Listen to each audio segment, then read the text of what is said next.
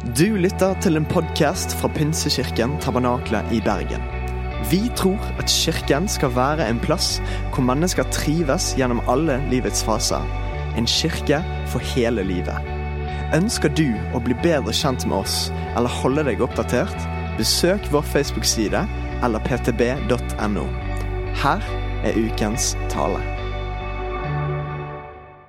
Fint å se deg. Og vi eh, eh, ønsker å på en måte eh, forholde oss til for, forrige taleserie uten at det er en del av forrige taleserie.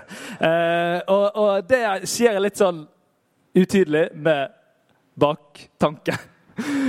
Fordi at vi ønsker å snakke inn i den serien som var, men samtidig ikke at den, den skal forstå alene sånn som den sto. Men vi ønsker også å ta opp noen par ting i forhold til den, eh, og det tror jeg er veldig, veldig bra. Og jeg kjenner at jeg er utfordret av dagens tema. Eh, og Det betyr at jeg ønsker at du skal prøve å forstå i den eh, halvtimen vi har foran oss, istedenfor å misforstå. Og ha forståelse for at tematikken er litt utfordrende, eh, men at jeg tror den er veldig veldig viktig. Jeg kjenner på en sånn nervøsitet som pleier å være en bekreftelse på at dette er veldig, veldig viktig. Jeg vet ikke om du har sånne personer i livet som er veldig positive. Jeg håper du har noen.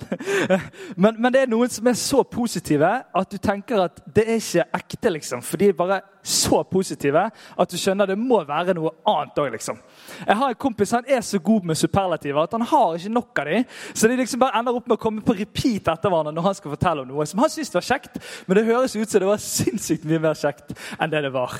Og så er det akkurat sånn at Når vi er sånne mennesker som liksom prøver å si noe veldig veldig positivt fordi vi har opplevd noe eller sett noe eller er med på noe, så kan vi ende opp med å liksom ikke ville si at ja, men det fins noen litt kjipe sider av det. Eller jeg opplevde at uh, når den dagen var så bra, så var det litt kjipt, det som skjedde der. Og så ender vi opp med liksom, uten å mene det, si at liksom, det er ikke en del av fortellingen at det er noen utfordrende sider ved det. Bare fordi at vi er så begeistret for at det er så bra. Skjønner dere? Så det er ikke meningen og det er ikke med, med liksom manipulering eller et ønske om det, men det bare ender noen ganger opp sånn. Og jeg tenker at Den troserien vi har hatt, så har vi snakket om hvor fantastisk det er, det vi tror på. Og jeg tror det er helt fantastisk. Men når mitt liv møter det, så kan det likevel være utfordrende. Og Det er derfor vi har lyst til å snakke om tvil her i kveld. Og Det er ikke tematikk som snakkes mye om både i disse typer kirker eller i frikirkeligheten. Eh, det snakkes lite om tvil, og jeg vet ikke helt hvorfor. Eh, jeg er på en måte ganske enig med at vi skal snakke mer om tro enn tvil. Altså Det har jeg veldig sånn ro for at vi skal gjøre. Allikevel, så det som skjer når vi for går gjennom troserien vår, som vi hadde, så kan det være det at uten at vi mener det, så kan det oppleves for du som sitter her inne, at du, når du kjenner på at det vi snakker om, at du kjenner en tvil rundt noen av de sidene ved det vi snakker om, så kan du kjenne at det ikke er plass til deg fordi at vi er så engasjert for det vi snakker om. Du kan til og med kjenne på følelsen av at, av at du er mindre verdig kristen enn de andre som virker å liksom være veldig enige og følge veldig godt med. Eller du kan kjenne på følelsen av at det er sånn annenrangshet, eller at det ikke er plass til min fortelling. Og du kan kjenne på at det blir trangt i rommet. Og Det har vi lyst til å ta veldig veldig på alvor. og Derfor har jeg gravd i dette. Og som forkynner så vil jeg ha hoppet over dette temaet så mye jeg kunne. Fordi at det er litt vanskelig å snakke om. Men jeg ender alltid opp med de temaene.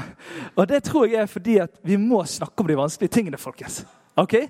Det kan ikke bli sånn at det blir inni et eller annet mørke som folk må håndtere det sjøl, eller vi tror at ikke det fins bare fordi vi ikke adresserer det.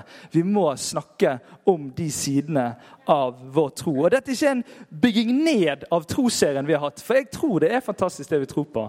Men når livet mitt møter det, og ditt møter det, så skjer det forskjellige ting. Bibelen er full av tro og tvil. Spesielt Gammeltestamentet er egentlig bare en lang fortelling om et folk som stoler på Gud og ikke stoler på Gud. Håper de tror på Gud og gjør det han sier, ikke gjør det han sier. Og Hele tiden lever de i den dynamikken hele veien. Det er fullt av det. Det er masse tro òg, og det er masse tvil. Det er der. I Det nye testamentet så har vi noe av det, men vi ser ikke så mye av det der. Og Det er nok enkelt òg forklart, har jeg i hvert fall tenkt, at veldig mange av de menneskene som skriver i Det nye testamentet, de har vært sammen med Jesus sjøl. De har både sett han levende, og de har også sett han, sett han synlig etter han står opp igjen fra de døde. Så Det er helt klart at det er ikke lagt så mye til rette for det i Det nye testamentet. Men hvis man leter litt og ser litt, så ligger det masse om tro og de utfordringene man kan møte i troen. Men det er liksom ikke akkurat så mye der. Men det kan være en naturlig forklaring. Mitt ønske er å åpne rommet for denne tematikken. Jeg tror det er stor verdi i seg sjøl å bare åpne. Jeg tror jeg kunne gått ned fra talerstolen nå, og så hadde det vært en verdi i dette. Fordi at vi åpner opp for det og sier at dette ønsker vi å snakke om.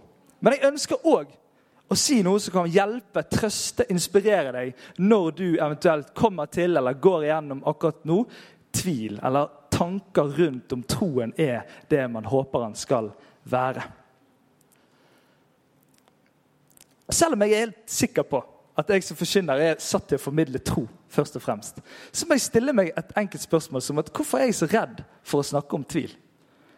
Har jeg blitt litt for liksom, opptatt av at liksom, dette er litt skjørt? på en måte? Tror ikke jeg at det tåler det? Tror jeg at tvilen kan smittes til andre hvis jeg snakker om det? Hva er det som gjør at det er litt motstand i dette? Jeg hadde bare lyst til å løfte det spørsmålet, for jeg kjente på det. Må vi dette her, liksom? Og tar vi folk nok på alvor om vi ikke snakker om tvil? Det finnes på ingen måte et mål fra min side at du skal tvile mer etter denne kvelden. Allikevel så har jeg lyst til å gi deg en liten heads up. Fordi at det kan være at gjennom de tingene jeg skal snakke om og legge ut, så kan det være at det kommer opp ting som du ikke har tenkt på en stund, som gjør at du kan kjenne på at du kommer i møte med noen følelser knyttet til det som kan ha med tvil å gjøre. Så Det er ikke et mål at du skal få mer tvil, men det er et mål om at du skal forholde deg til det som du har møtt i livet, eller du kommer til å møte i livet, på en god og solid måte. Og vi ønsker at troen som vi representerer, og som vi lever i, skal tåle hele livet. Og Hvis troen skal tåle hele livet, så må òg troen tåle tvil. Men hva er egentlig tvil? Og Jeg tror ikke at det går an å snakke om tvil uten å snakke om tro. Det går egentlig ikke an å tvile uten å tro. Det er mye tro i tvilen og mye tvil i troen.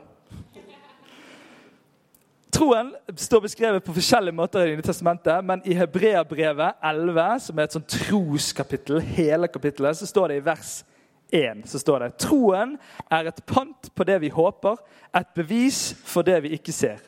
For sin tro fikk de gamle godt vitnesbyrd. Det er fordi Han oppsummerer alle liksom gamle trosheltene etterpå. i dette kapittelet. I tro forstår vi at verden er skapt ved Guds ord, og at det vi ser, har sitt opphav i det usynlige.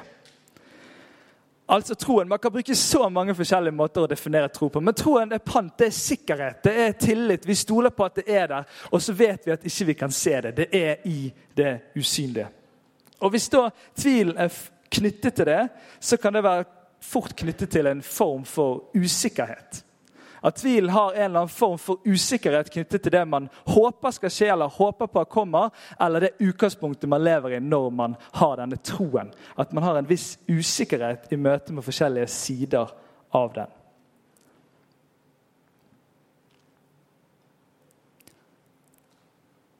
Og Det som er viktig for meg å si, det er at tvil er ikke det motsatte av tro.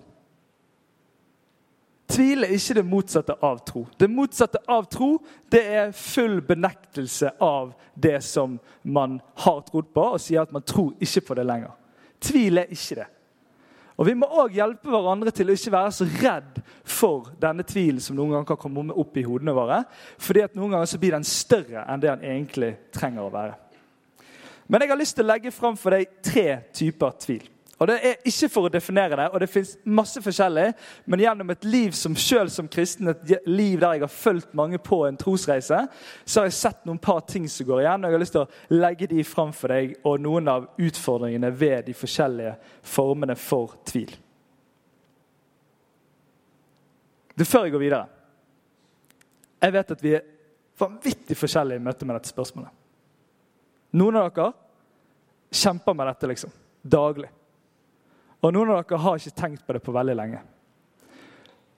Det som er Når vi hører sånne type budskap som dette, det er viktigheten av å erkjenne hvor man er i forhold til spørsmålet. Veldig ofte så ender vi opp med en eller annen sånn her, ja, men jeg er, jeg vil være den jeg ønsker å være, eller jeg ønsker å være der jeg ønsker å være. Og så klarer ikke vi å erkjenne hvor vi er i forhold til spørsmålet. Og det har jeg lyst til å invitere deg til å liksom slappe ned skuldrene og se hvor er jeg i forhold til disse spørsmålene. Hvor er jeg i forhold, Hva har jeg kjent på av disse tingene? Ikke vær i en eller annen sånn kristen tanke om at ja, men jeg har overvunnet dette. øh, øh. Ta, Lev litt i det. Slapp litt av i det. sant? Og så finn ut hvor er du her, sånn at du kan begynne der du er. For det er en av de største utfordringene i utvikling som en kristen. det at vi ikke erkjenner hvor vi er overfor de tingene vi står i. All right. Tvil nummer én. Var, man kjenner bare at liksom, man har lyst til liksom, liksom, Men tvil nummer én. Ok. Eksistensiell tvil. Det er den tvilen som er knyttet til om alt egentlig bare er tull. Altså Den tankerekken eller den utfordringen som kommer i møte med andre mennesker som sier 'Kan du tro på noe sånn som dette?' Det er jo bare oppspinn. Det er jo bare tull. Så møter man en, en, en tvil som kan være ikke bare knyttet til hva jeg opplever daglig, sånt, men det kan, oppleve, det kan liksom være knyttet til hele opphavet. Er det en gud jeg ber til når jeg ber? Eller er det ikke en Gud der i det hele tatt? Er jeg på vei til et evig liv sammen med Gud, eller fins det ingenting sånn? Er det noe, eller er det ikke noe der i det hele tatt? Den eksistensielle tvilen som er helt på det grunnleggende, og som vil, mange vil møte den, spesielt i studietiden, fordi at veldig mange vil være opptatt av å snakke om at de tror at det er ingenting der. Så da møter man den når man tvinges til refleksjon. Det fins noe positivt med det, men det kan også være en utfordring. og Man kan selv komme inn i en del tankerekker inn i dette. En av de største konsekvensene med eksistensiell tvil er en usikkerhet på det jevne. Fordi at det går så dypt, og det blir utgangspunktet for alt, så berører det alle sider. Og så ender man opp med en generell usikkerhet i møte med troen. Det kan òg være at man prøver å finne bedre svar fordi at man opplever at den kristne troen ikke gir gode nok svar, eller de eh, diskusjonene man har, har ikke man gode nok argumenter i, så prøver man å finne svarene andre steder. Type, den, fall den dynamikken som har vært tidligere, jeg tror den har vært litt bedre, i alle fall, med type vitenskap versus tro, som har vært en veldig sterk dynamikk, og der ganske mange har endt opp med at tvilen har ført til at man ikke lenger tror, fordi at man fant ikke gode nok svar eller gode nok måter å håndtere de svarene på i kristen sammenheng. Og så har man situasjonsbetinget eller erfaringsbetinget tvil. Hvordan i alle dager kan det finnes en Gud når dette skjer? Når dette skjer i denne verden, eller når dette skjer i mitt liv eller i noen jeg er glad i sitt liv, hvordan kan det være en Gud når jeg går igjennom disse tingene som jeg går igjennom? Man opplever at det er så mørkt, det er så lite lys, det er så lite bra, og det oppleves som at det kan ikke finnes en Gud. Eller man kan begynne å tenke en tanke rundt det. At hvordan kan det finnes når mitt liv og min erfaring tilsier at dette er veldig vanskelig? Det kan være bønn som man har bedt mange ganger og ikke fått et svar på, eller ikke fått det svaret man ønsket i forhold til en situasjon man visste eller var så sikker på at dette kan vel ikke være meningen at det skal være sånn. Og Så får man noen erfaringer som skaper en tvil, og som kan skape en tvil. Og der vi, mange av oss, Sannsynligvis er det mange her i dette rommet som er vokst opp i en kristen sammenheng. Og Så vokser man opp med en, en barneteologi om en Gud som passer på oss hele tiden. En Gud som, som, som, har sendt en egen engel som skal gå med oss og passe på oss. Og så er det akkurat som Når det treffer liksom livet, så kan det veltes en del ting. Og Nå snakker man faktisk om at en av de største troskrisene er tolvårsalderen. For da møter det barnet som bare har hørt det budskapet, møter den reelle verden, som man skjønner at det kan skje meg noe selv om jeg er en kristen. Det kan skje noe med familien min og min mamma og pappa, selv om jeg tror. Og så får man en troskrise som òg kan føre til at mange mister troen eller er i sterk tvil. Det kan føre til at man tenker mindre om Gud. Man orker ikke forvente at Gud kan gjøre noe med ting som virker håpløst eller vanskelig, fordi erfaringen tilsier at han gjorde ikke noe sist gang. Man kan prøve å begynne å ordne ting sjøl eller finne hjelp andre steder. eller Finne mening eller forklaring andre steder. Og man kan bli bitter og sint på Gud. Og det er ikke det farligste, tror jeg. Men hvis det bare blir sinne og bitterhet knyttet til Gud, så blir nok fristelsen til å tenke at ikke det finnes noe Gud, veldig sterk etter hvert. Og så har vi noe som er veldig knyttet til erfaringsbasert tvil, som jeg har kalt personlig tvil. Der det handler om meg som møter budskapet. Kan jeg tro som gjør dette, eller har gjort dette, eller lever sånn, eller har levd sånn? Holder det virkelig det som Jesus har gjort? Eller opplevelsen av at Gud har forlatt deg. Du kjente masse følelser før. Nå kjenner ikke du de samme følelsene. Hva skjer? Er ikke Gud lenger her? Hvordan kan Gud elske en som meg? Eller har Gud virkelig sagt? Følelsene mine ønskene mine sier noe, men det virker som at Gud sier noe annet. Og Så begynner man å tvile på det.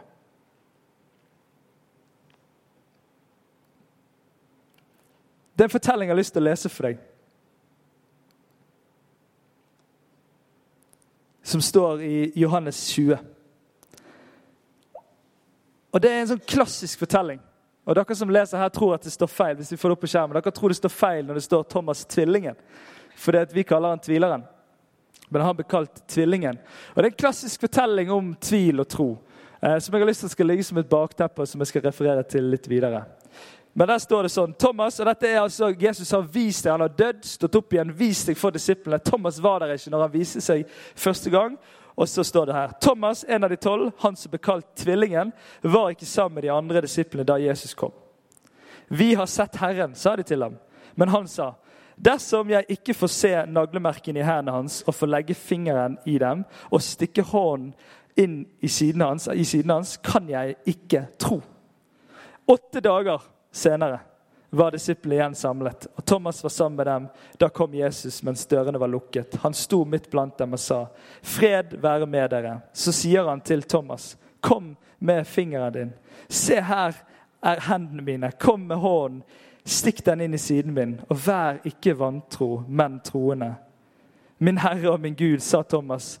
Jesus sa til ham, 'Fordi du har sett meg, tror du. Salig er de som ikke ser og likevel tror.' Når denne fortellingen, som jeg tipper må ha vært fristende å ta vekk fra liksom, omdømmet til Thomas og De som kjenner litt fortellingen videre, og hvis man undersøker litt det som var fortellingen videre, så blir Thomas en av de viktigste apostlene som tar med budskap om Jesus til Asia, India. og Det er liksom en nydelig fortelling videre. Men man kan så vidt tenke at hvis denne fortellingen Man hadde lyst til ikke at han skulle være med. Jeg tipper Hvis noen hadde liksom og gjort den type refleksjon, så bare, ja, vi dropper den da. Det er litt sånn kjip side av det. Men dette er Bibelen, som tar med hele pakken. Og det er så troverdig i det. Når det fins en sånn fortelling, i Bibelen, blant den han som hadde gått sammen med han, vært fysisk nær, hørt han, snakket med han, kunne tvile i det øyeblikket, så må det være fortellinger om tvil for oss som tror i dag òg. Og jeg vet det, og det er noe av det som berører hjertet mitt dypest. Når jeg får høre eller være med på folks reiser om alvorlig tvil. Og jeg har lyst til å si det, Ikke fordi det skal liksom være en sånn greie at folk skal gjøre det, liksom. men det er en del av fortellingen å være kirke. Vi hadde en som kom til miljøet vårt og ble kristen, og endte opp med å ikke være kristen lenger når hun flyttet fra byen. Det er en historie. Det var ikke fordi hun ikke likte denne kirken. eller sånne ting. Hun gikk en reise og fant ikke ut av det. Og Det er så hjerteskjærende når man får sånne meldinger og får sånne beskjeder. Men det er en del av det, og vi må snakke ærlig om det. Hvordan skal man takle tvil? Mitt første, min første beskjed til deg i møte med tvil, det er å holde deg i bevegelse. Og Det betyr at bevegelse det vet vi at det er positivt generelt. Sant? Både for kroppen vår og alle sånne ting. Eh, når ting stopper opp, så har det en tendens til å surne til eller bli litt mer utfordrende. Og Derfor så har jeg lyst til å si til deg, hvis du går gjennom en tvilsrunde nå, ting som du kjenner skikkelig på Ikke stopp med kristenlivet for det. Alright? Dette høres helt rart ut, sant? men ikke stopp med praksisene av å gå til fellesskapet. Praksisen av å be. Praksisen av å lese. Ikke stopp med praksis. Ikke stopp opp. Ikke vær redd for at selv om du fortsetter i bevegelse, så kommer du til å bli lurt av et eller annet greie. Hvis du går en eller annen tvilsrunde på ting, så hold deg i bevegelse. Vær i fellesskapet. Jeg vet ikke hvorfor ikke Thomas var der første gang Jesus kom. Kanskje var han på en sånn reise da, at han gikk litt dypere enn de andre når de var usikre. For han hadde en ganske sånn rasjonell eh, innstilling til det hele. Kanskje han gikk litt dypere, han orket ikke være i fellesskapet. Men han kom tilbake igjen etterpå var der i fellesskapet. Ikke røm fra fellesskapet. Jeg vet at den vanskeligste gangen å bestemme seg for å gå til fellesskapet, det er når man kjenner på de følelsene eller kjenner på de tankene. Og Da har man lyst til å unngå. Jeg har bare lyst til å si til deg, Bestem deg før du kommer i det, at jeg skal fortsette å gå i fellesskapet. Og så får det være en tid, da. sant? Og så kan det være at det kommer til et punkt der man må gjøre noen beslutninger til slutt. Men hør da, dette fellesskapet er ikke bare for de kristne. Ikke bare for de som kjenner til greiene. Sånn har det aldri vært med den kristne tro. Den har alltid vært for alle som er nysgjerrige på det, usikre på det, imot det. Det har vært hele pakken av at mennesker skal være sammen i fellesskapet. Jeg er så glad for et sånt grenseløst fellesskap, og at vi tror på det og får være det.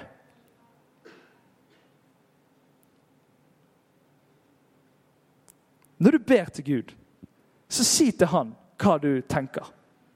Du vet at Bibelen er så full av klager og frustrasjon og sinne rettet mot Gud. Gud tåler det uansett. Jeg fikk et bilde her rett før jeg kom. for Jeg husker så godt når min, min sønn Alfred han, han ville ha is. Og så sa jeg nei. Og så ble han så lei seg fordi han ikke fikk is. Og begynte å grine. Og når han begynte å grine, så kom han til meg for å få trøst. Og det er litt rart. Er dere enige? Fordi at Han skulle jo egentlig liksom klikket på meg. Liksom, men han var liksom ikke Nå gjør ikke han det lenger. nå har han blitt vanskeligere. Men, men da var han liksom bare sånn at han liksom bare kom til meg. Og der, sånn er Gud, liksom. Du, du, kan være sint på han, og han er teit og dum, og sånn. Og så kan han likevel komme og få trøst hos han. Det er sånn urasjonelt og ulogisk. Jeg tror det ligger noe her. altså. Du kan komme til han og du kan rope det ut til han. Han tåler det. Du, vi har ingen sårbar Gud på den måten som ikke tåler våre ekte tanker og følelser. Han har skapt oss, han vet hva som rører det før vi sier det. Si det ut til han. Og så sier du det til noen andre òg. Du vet at Det vi bærer på inni oss Jeg, jeg følger opp masse ektepar eh, og, og, og, har ekteskapssamtaler og skal vie dem og ønsker å følge opp videre. og sånn. Og Da snakker vi masse om det at hvis du holder noe inni deg som du egentlig trenger å si, som er vanskelig, så blir det bare større og større jo mer du holder det på inni deg. Men hvis man sier det ut til noen, så får man avslørt noe av størrelsen i det. Og så blir det lettere å håndtere både for deg og fordi at du får noen med på det, så du kan snakke med dem om. Det er rent sånn menneskelig bra. Og Gud har skapt mennesker og vet at det er bra. Derfor står det også at vi skal snakke med hverandre. Det står til og med at vi skal bekjenne synd til hverandre. Det står at vi skal dele sånne ting til hverandre. Si det til noen. Og for all del, ikke la deg stoppe en eller annen tanke om hva kommer den til å tro. Hør, da. Selvfølgelig vil vi det. At mennesker skal komme til oss når de går igjennom vanskelige ting. Kom og si det. Ikke frarøv andre mennesker av muligheten til å gå sammen med deg, og deg til muligheten for å se at det kan være både litt mindre, og at ikke det trenger å vokse på det i det mørket på den måten det ofte gjør når vi bærer noe inni oss som vi trenger å si ut. Og så har jeg et tips om det å lese i Bibelen. At det er jo litt sånn der, Har man lyst til å lese i Bibelen da, da, liksom? Men, men du vet at når du har mistet noe, sant? Du, har liksom noe, så leter du der du fant det sist. Har dere tenkt på det? Hvis, hvor var det jeg så det sist? Måtte? Hvor var det jeg sist så nøklene? Eller mobilen, eller hva det er man leter etter. Og Det høres kanskje helt banalt ut. Men, men, som oftest når man tviler, så har man opplevd at man har funnet noe en gang. eller sett noe. Ikke vær redd for da liksom gå inn her. Ikke vær redd for at du kanskje finner noen svar her. liksom. Ikke la deg liksom bli en sånn her at ja, da skal jeg bare lete andre steder. Leit her òg. ok? Leit se, tør å lese. Det fins folk som har fått en ny start på bibellese i livet fordi at de møtte tvil. Og så skal jeg lese et annet bibelvers for deg. som, altså Det er her kapittelet jeg har lyst til å oppfordre deg til å lese. Men det er 2. Korinterne 4, 16-18. Derfor mister vi ikke motet. For selv om vårt ytre menneske går til grunne, blir vårt indre menneske fornyet dag for dag. De trengslene vi nå må bære, er lette. Og ikke, ikke, mist meg nå. sant? Det høres jo helt utrolig at Paulus kan kalle de tingene jeg og du går igjennom, for lette. Men det er i kontrast eller i sammenheng med det som kommer videre. Og de skaper for oss en evig rikdom og herlighet som veier uendelig mye mer. Altså Det i møte her og nå, i møte med det evigheten, så blir det mindre. Vi har ikke det synlige for øyet, men det usynlige for det synlige tar slutt, det usynlige er evig. Noen ganger i tvilen så trenger vi å se det større bildet. Vi trenger å få perspektiv. Vi trenger å gå til en eller annen åndelig fjelltopp noen ganger. Og kanskje en fysisk en òg. Det kan hjelpe, tror jeg. Og så må vi få litt overblikk. Hva er det som rører seg? Hva er det som skjer her? Og se det i et litt større perspektiv. Og vi er helt elendige i vår tid å tenke på evighetsperspektivet. Vi forholder oss ikke til det på en eller annen rar grunn. Fordi vi kanskje er litt redd i møte på det. Skal Jesus komme igjen igjen og dømme? og Hva skjer egentlig? Men det er noe godt i vente for en som tror. Uansett hvor langt fram man ser. Og Det å tørre å tenke i det perspektivet kan også hjelpe å møte noen av de tingene som er der. Og Selvfølgelig kan tvil være knyttet til de tingene òg, men jeg tror at det fins noe av å søke det større bildet. Løfte blikket. Og så kommer vi alltid til å møte ting som ikke går helt opp før vi står face to face. Og det har jeg erkjent. At sånn er det. Det betyr ikke at jeg bare aksepterer det. Det betyr at jeg fighter med det, men jeg har forstått at det vil være en fight. Og så lærer jeg fryktelig mye når jeg fighter i det. Men det vil være sånn at det ikke er alt som kommer til å gå opp. Låsestimen kan komme fram.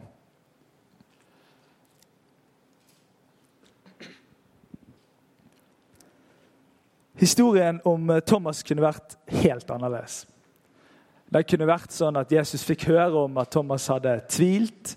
og eh, Han ble avskiltet som disippel, og, eh, og han forlot hele greiene. Eller han fikk aldri møte Jesus igjen og trodde aldri på de andre og ble på siden og fortsatte skinnet. inn.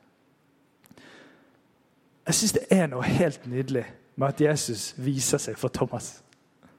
Selv om han liksom er så steil. da. Tenk når de beste kompisene sier det har skjedd. Jeg skjønner at det er helt sykt å tro på det. sant? Det er jo helt sykt å tro på at noen døde, og så sto de opp igjen. Det er ikke hverdags. Men når de beste kompisene sier til deg allikevel så bare sånn, nei, det der, jeg må se det sjøl. Dette her, det her går ikke liksom rundt.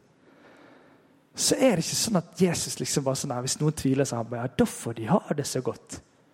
Da får det bare være. Det er akkurat som at Jesus ønsker å møte oss i vår tvil. Møte oss i de spørsmålene, som vi kjenner. Og Det er ikke alle som kommer til å få et sånt besøk av Jesus som Thomas gjorde. Men kanskje finnes det noen elementer av det der vi møtt i det på forskjellige måter. Kanskje det er gjennom noen andre, kanskje det er gjennom fellesskapet, kanskje det er gjennom den troen man har. At man møter igjen en sånn opplevelse. eller en sånn Det er sånn at Jesus ønsker å møte oss i vår tro. Og så har jeg lyst til å si noe til slutt. Fordi at Jesus han avslutter ikke med å si sånn her. Thomas, så får du bare fortsette på denne måten. da det går bra, liksom. Han sier sånn her Men Thomas, ikke vær vantro, men tro. Han oppfordrer til tro. Og Av og til kan jeg møte det liksom i samfunnet vårt, at det blir en sånn greie på at hvis man tror voldsomt, så er det for voldsomt. At man blir sånn redd for sterk tro. Fordi at det har vært knyttet til en eller annen fundamentalisme eller knyttet til usunn tro eller blind tro. Vi må ikke bli redd for den sterke troen. Vi må ikke bli redd for at, at det går an å ha sterk tro eller sterk overbevisning, at den kan øke inni oss. Det kan være noe flott og det kan være bra. La oss heller glede oss over at noen andre har sterk tro når vi kjenner at vi er svake. Altså, ikke la det bli en sånn greie at vi blir redd for det. da. Det er bra med sterk tro.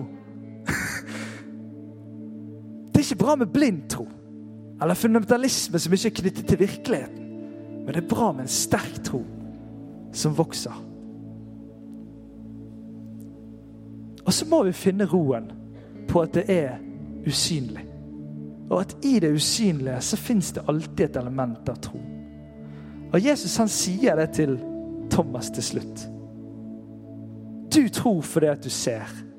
Så sier han at det salige, velsigne, heldige, glade De skal være takknemlige for de som tror uten å se. Jeg blir jo litt irritert, da. Det må jo være bedre å bare se det, liksom. Hva er det som ligger her? Fins det et mysterium av at det er bedre å ikke vite alt? Fins det noe at hvis jeg skulle skjønt hele tyngden og størrelsen av det, så ville jeg ikke klart å bære det? Det er et element av tro. At det er det jeg kan leve i. Og det er jeg heldig som får lov til. Og kanskje må jeg også forsone meg med det.